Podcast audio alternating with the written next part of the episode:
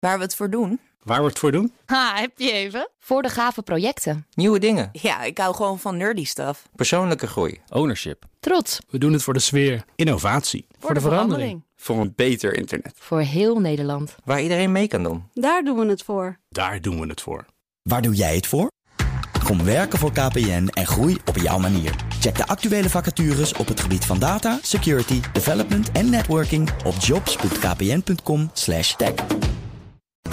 BNR Digitaal wordt mede mogelijk gemaakt door SecureLink. SecureLink. Safely enabling business. BNR Nieuwsradio. BNR Digitaal. Herbert Blankenstein. En welkom bij BNR Digitaal. Techbedrijven kunnen in Australië voortaan gedwongen worden om mee te helpen om versleutelde berichten van verdachten leesbaar te maken. Dat is de strekking van een wetsvoorstel dat in het Australische parlement is aangenomen. Het is wereldwijd voor het eerst dat een dergelijke wet er doorheen komt. Mijn backup is vandaag Wout Funnekotter, hoofdredacteur van Tweakers. Welkom, fijn dat je er bent. Goedemiddag. En zoals altijd beginnen we met Het Tech Kompas. en daarin bespreken mijn backup, Wout dus, redacteur Wesley Schouwenaars en ikzelf een actuele kwestie in de techwereld. En we vertellen wat we daarvan vinden. Wesley, we gaan het hebben over een vergunning voor aanbieders van diensten met cryptovaluta. Ja, er komt namelijk een eh, Europese anti-witwasrichtlijn. En dat moet ook hier in Nederland een eh, plekje gaan krijgen in de wetgeving. Nou, om zo dus het witwassen van geld uit criminaliteit of de financiering van terrorisme via het financiële stelsel aan te pakken. Nou, in dat licht moeten aanbieders van diensten met cryptovaluta straks eerst een eh, vergunning hebben. eh, is het voorstel dus, eh, voordat ze hun diensten mogen gaan aanbieden. En de belangrijkste punten daarbij zijn eigenlijk dat ze onderzoek moeten doen naar wie dus dan hun klanten zijn.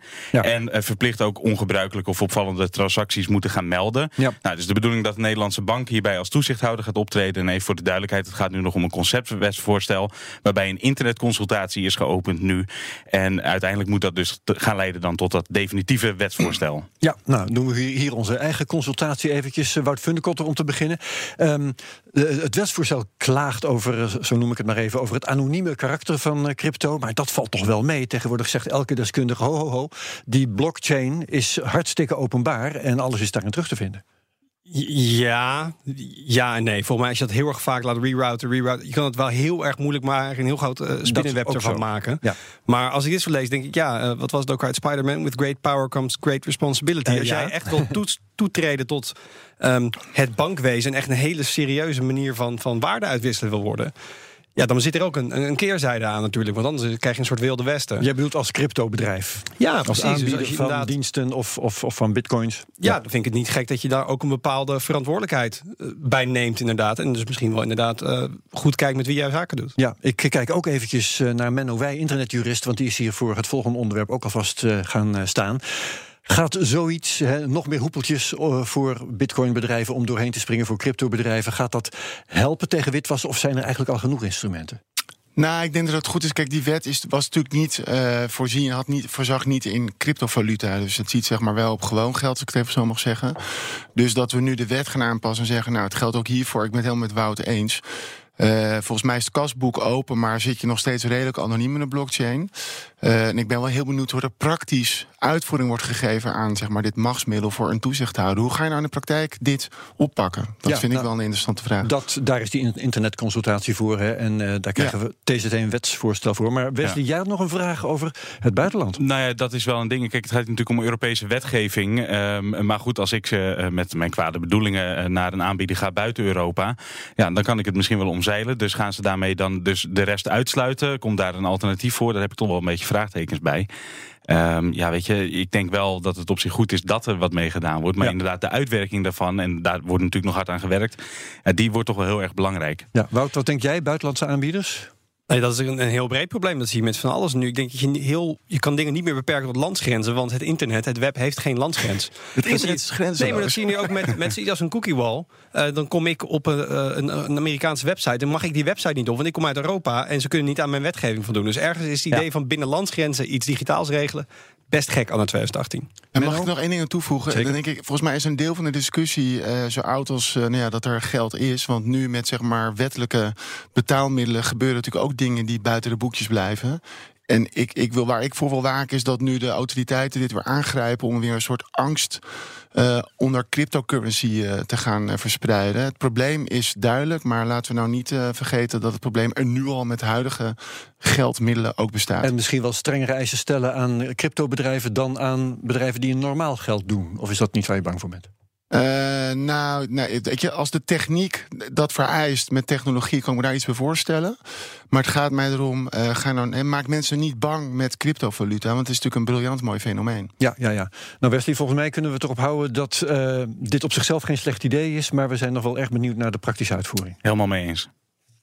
BNR Nieuwsradio. BNR Digitaal. In Australië, daar is ook iets aan de hand met cryptografie in ieder geval, zijn technologiebedrijven straks verplicht om versleutelde gebruiksgegevens, gebruikersgegevens desgevraagd onversleuteld te overhandigen aan de autoriteiten. Doen ze dat niet, dan kunnen ze een boete krijgen die ongetwijfeld niet mals zal zijn. Ik ga erover praten met mijn gasten, behalve internetjurist Menno Wij, die u net al hoorde.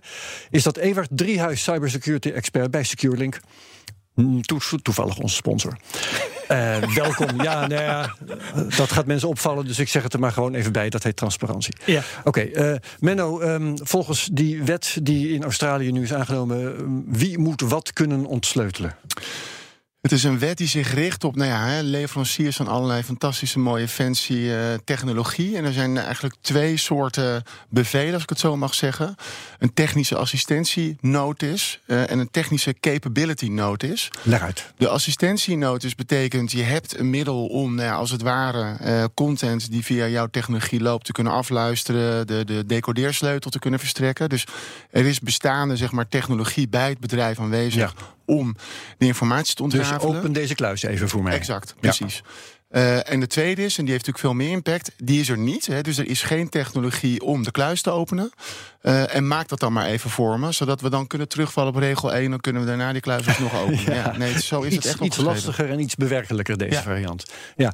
Uh, Evert, um, kan dit eigenlijk? Want we hebben tegenwoordig zero knowledge encryptie, Signal, Proton. Dat zijn allemaal uh, diensten die um, encryptie leveren die niet doorbroken kan worden, waar het bedrijf dat het levert zelf de sleutel niet van heeft. Dus ik hoor wel verluiden op internet. hey, uh, hier heeft uh, Australië een wet aangenomen die zegt de wetten van de wiskunde gelden niet meer. Ja, en, en, ik geloof dat uh, premier Turnbull daar ook wat heel moois over zei. Van uh, de, wet, de, wetten van de wiskunde, dat is allemaal hartstikke leuk. Maar hier gelden de wetten van Australië. Nou, dat. En, ja. Hier is 1 plus 1 3. Dat is, dat is duidelijk hoe ze, hoe ze daarover denken. Maar, maar is, heeft die wet deze mate van belachelijkheid? Nou, kijk, als je het zo bekijkt, uh, denk ik wel degelijk. Maar het, het, hoeft niet per se een wiskundig probleem te zijn, dit. Hè. Je kan het ook op andere manieren oplossen. Zoals we net even hadden voorbesproken. Uh, zijn er ook, uh, wordt er nu gesproken over manieren om eigenlijk gewoon als deel te nemen aan ja. zo'n end-to-end gesprek. terwijl je onzichtbaar blijft. Um, Oké, okay, dus de, de, overheid, laten we zeggen de geheime dienst of de politie of weet ik veel, schuift onzichtbaar aan in een chat. Maar dan ja. moet hij dat wel live doen. Nou ja, dat, nou ja, trouwens, ik kan me ook voorstellen dat het achteraf uh, dat dat ook wel teruggespeeld uh, zou moeten kunnen worden. Maar mm -hmm. het, wat, wat denk ik de issue ermee is, dat is met encryptie altijd zo, is niet zozeer de wiskunde die kwetsbaar is. Het is ook nooit de wiskunde die ge gehackt wordt. Het is altijd het management van de, van de sleutels en andere dingen eromheen. Uh, die verdwijnen, die, die worden onderschept en dan kan je nare dingen doen. En ik denk dus ook dat als je zo'n, zeker als je zo'n onzichtbare feature gaat inbouwen. En waarvan je daarna dus moet gaan delen met een geheime dienst. van hoe die feature gebruikt moet worden ook nog. Hè, want die moet naar believen moet die aangezet worden. Nou, dan heb je Ja. dus wel degelijk een, een procedureel geheim. Ja. wat je Ja. moet delen met een geheime dienst. En, dat denk, is de Ach- Achilleshiel, want eh, zo'n sleutel die voor de good guys is, die kan door de good guys worden gebruikt eh, op een manier die niet is toegestaan. Bijvoorbeeld om eh, eh, de, de geheime relatie van hun ex eh, eh, in de gaten te houden. Ja. En hij kan uitlekken en door, eh, alsnog door bad guys worden gebruikt. Ja, en eh, dat is dus helaas natuurlijk iets wat we ook al in het verleden hebben gezien. Hè, is Ja. dat eh, de shadow brokers eh, dat die eh, doen, eh, toen eh, naar verluid de NRC te grazen hebben genomen. Waar Eternal Blue uitkwam, wat Wannacry Not Page heeft opgeleverd. Ja, ja, ja, en wat nog steeds iedere dag eh, ellende oplevert. Ja, en het, en het gevolg is dan toch, denk ik, van deze wet... dat de end-to-end encryptie niet langer bestaat... Want je kunt hem niet meer garanderen. Dat die, eh, die encryptie eh, waar uh, niemand, zelfs het bedrijf dat het levert, de sleutel van heeft, die is er dan niet meer. Nee, nee precies. Want dat, kijk, dat de wiskunde, dat je die met, met rust laat, hè, dat wil niet zeggen dat het proces wordt wel degelijk kwetsbaarder. Ja. Maar ik denk ook dat daar, wat, wat we ook vaak vergeten, want ik, voor de goede orde, hè, ik vind het ook een, ik vind het een extreem geestig idee. En ik wil heel graag zien hoe dit zeg maar, zich uit gaat spelen. Ik, ik, maar er zit natuurlijk wel iets achter, wat je ook niet moet vergeten. En dat is gewoon heel simpel. Dat laten we zeggen, twintig jaar geleden, als je als boef of terrorist wat deed, dan zetten ze een tap op je en dan wisten ze alles wat je deed, bij wijze van spreken. Um, en als ze een huiszoekingsbevel deden, vonden ze de wapens en whatever. Maar tegenwoordig bij wijze van spreken loop je zo'n huis in, staat daar dus een grote kluis, daar staat op verboden voor de politie. En dat zijn dus die. En daar mag je dan, daar kun je dan niet in. En, en dat is nieuw. Dat gegeven is gewoon nieuw. Voor maar hoor ik uh, aan ja, de manier waarop je dit formuleert, dat jij dat ook wel wat ver vindt gaan? Dat er een kluis is waar zelfs de politie nooit in kan? Nou ja, dat is hoe het nu is. Hè? Want dat is met end-to-end encryptie, is dat, is dat het resultaat. Dat is een nieuwe realiteit waar we vandaag mee te maken hebben. Maar even naar kijken naar Wout Funnekotter, mijn backup. Wat vind jij van uh, zo'n kluis waar niemand meer in kan? Ik vind het op zich een goede analogie. En als je hem zo zegt, dan zou mijn eerste reactie zijn... nou, hey, nou, je hebt wel gelijk. Dat is wel gek natuurlijk, want vroeger was dat er ook niet. Aan de andere kant, je ziet dat het, het je moet zo'n kluis kraken, moet je fysiek ergens heen en dan moet je allemaal. Dat, dat is best wel bewerkelijk. En nu zie je al bij onze eigen uh, tapwet in Nederland dat de toetsingscommissie nu al heeft aangegeven van ja, ja, nou maar af en toe. Dan is, gaat het toch niet binnen de gebaande paden. Of wordt er toch wel iets te veel gevraagd en dat soort dingen. Dus uiteindelijk, doordat je digitaal steeds makkelijker maakt, kun je er ook makkelijker misbruik van maken dan een fysiek object openmaken, denk ik. Dus deels mee eens, maar ergens schuilt er wel een gevaar in, omdat het nu digitaal is en daarmee zoveel makkelijker te misbruiken. Ja, maar is het, dan, is het dan niet veel eerlijker dat uh, we het, het, gewoon het kat en We hebben het over hele serieuze dingen. Hè? Dan kijken we naar uh, Straatsburg en uh, terrorisme. Uh, maar het idee van kat-en-muisspel, je bent in ieder geval onschuldig tot je schuld bewezen is. Ik ben er niet voor dat de politie ergens niet in mag. Want als het moet in het kader van iets ernstigs, dan moet dat. Maar moet je nou per se zelf of via een derde, een provider meewerken? Laat ze, wat uh, volgens mij in Nederland uh, hebben ze zich op de borst geroffeld met dat pretty good privacy kraken. Laat dat spel gewoon, gewoon doorgaan binnen bepaalde kaders. En laten we niet vergeten, als je Barbie bent en het gaat niet zo goed met je, je zit in een ziekenhuis in Den Haag, zit het medisch personeel ook uit nieuwsgierigheid, nieuwsgierigheid even te kijken in haar dossier met hé, hey, wat heeft ze dan? En dat doen ze natuurlijk ook niet. Uh, uit uh, nou ja, interesse. Of doen ze eigenlijk uit uh, nieuwsgierigheid. Straks gaan we verder praten over de vraag of deze wetgeving eigenlijk wel binnen Australië kan blijven. BNR Nieuwsradio. BNR Digitaal. Welkom terug. En we hebben het over een nieuwe anti-encryptiewet die het Australische parlement onlangs heeft aangenomen. Ik praat over met Ewart Driehuis, directeur onderzoek bij SecureLink, internetjurist Menno Wij van Solf Advocaat en mijn backup is Wout Funnekotter, hoofdredacteur van Tweakers. Um, Menno, de uh, encryptie die moet doorbroken kunnen worden in Australië. Maar wat moet nou een bedrijf doen dat encryptie aanbiedt? Moeten die uh, een apart product aanbieden voor Australië? Of moeten die een uh, product met een achterdeur over de hele wereld gaan verspreiden? Ja, uh, goede vraag. Uh, ik, ik, zou, ik ben geen voorstander van deze wet. Dus stel dat ik een bedrijf nee, zou zijn. maar hij bestaat nu. Het, ja, oké, okay, dat is waar. Maar dus als ik praat vanuit de positie van dus technologiebedrijven, mm -hmm. zou ik zeggen: uh, ik ga of iets aanpassen in Australië. Dus ik maak alleen een product in Australië. Maar goed, dat vindt zijn weg ook wel. Ja. Of gewoon zeggen: ik ga daar gewoon mijn dienst niet meer aanbieden. Uh, een beetje een principieel punt. Maar ja. ik denk wel dat het daar naartoe gaat. Ik leg de keuze ook voor aan Evert Driehuis. Ja, nee, dit is goed. ik ben blij dat het niet in China gebeurt, bijvoorbeeld. Hè? Of in, uh, laten we zeggen, in de VS. Of Waarom? Wat maakt het uit? nou, dat, dat een enorme adresseerbare markt is. En als, ah, zo, als het ja, potentieel over een, over een miljard het mensen Het is makkelijker gaat. om uit Australië weg te blijven. Ja, dus Australië is... Het is toch al geïsoleerd. Ja, ik denk dat je heel makkelijk vergeet hoe schattig dat land is. Want Gewoon ja. Er wonen net wat meer mensen dan in Nederland. En het GDP is ook net iets hoger. We weten allemaal hoe, hoe belangrijk wij zijn in de wereldorde. Ja. Dus, dus ik denk dat dat wel degelijk scheelt. Dus de commerciële belangen zijn op dit moment helemaal niet zo hoog. En wat dat betreft is het natuurlijk. Het is een beetje onvermijdelijk dat een land een keer zoiets zou gaan doen. Ja. Hè? Met, met Nee, een nieuwe. jij, jij bent zelf betrokken bij een bedrijf dat doet in security producten. Het is allemaal eh, wat, wat anders. Jullie maken geen, eh, geen speciale softwareproducten. Hè?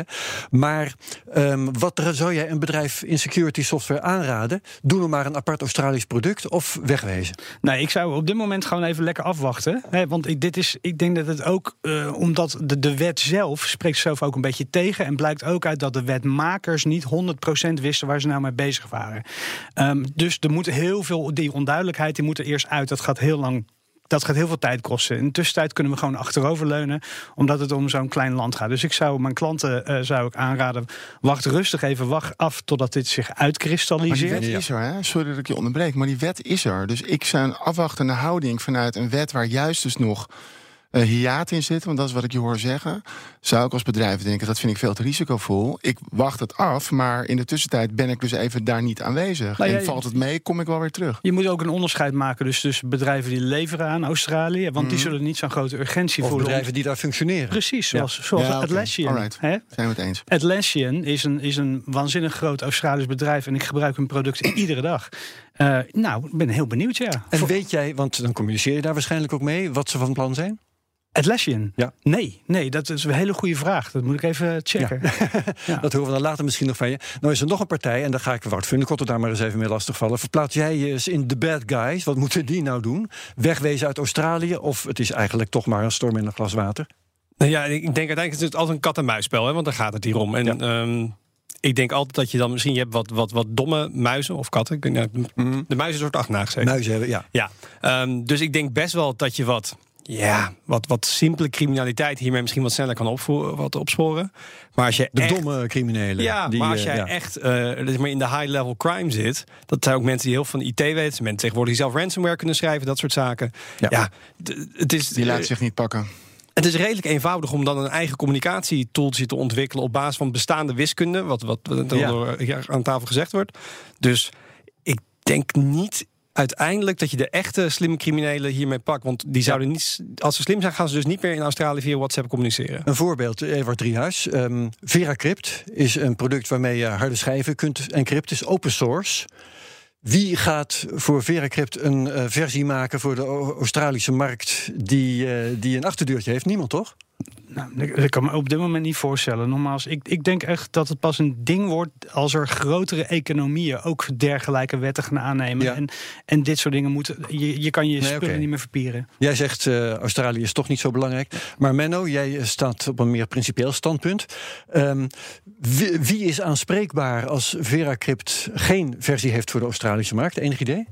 Eh, ik zit even kijken of ik je vraag goed begrijp. Moet eh, GitHub of waar het ook te, vinden is, eh, zich ontoegankelijk maken voor Australische eh, gebruikers? Ja, wat. ik denk het wel. Ik heb eerlijk gezegd even niet gecheckt zeg maar, wat de bevoegdheid hè, wanneer dus valt onder die Australische Ja. wet. Maar ongetwijfeld moet je daar of een inwoner zijn of af, daar, ja. zeg maar, eh, daar iets doen eh, eh, op dat eiland. Dus op het moment dat je onder die bevoegdheid valt, dan moet je schakelen als je dat niet wil. Ja, Ja. maar in de praktijk denk ik, Wout, eh, zal iedereen of bijna iedereen in Australië al dan niet via Tor gewoon aan VeraCrypt kunnen komen en dus zijn harde schijf echt goed kunnen. eh, En, en je punt is natuurlijk ook, hoe doe, je punt is, wat doe je met een open source project? Want je kan Ja. als politie kun je aankloppen bij WhatsApp BV die in die in die straat in Australië zit.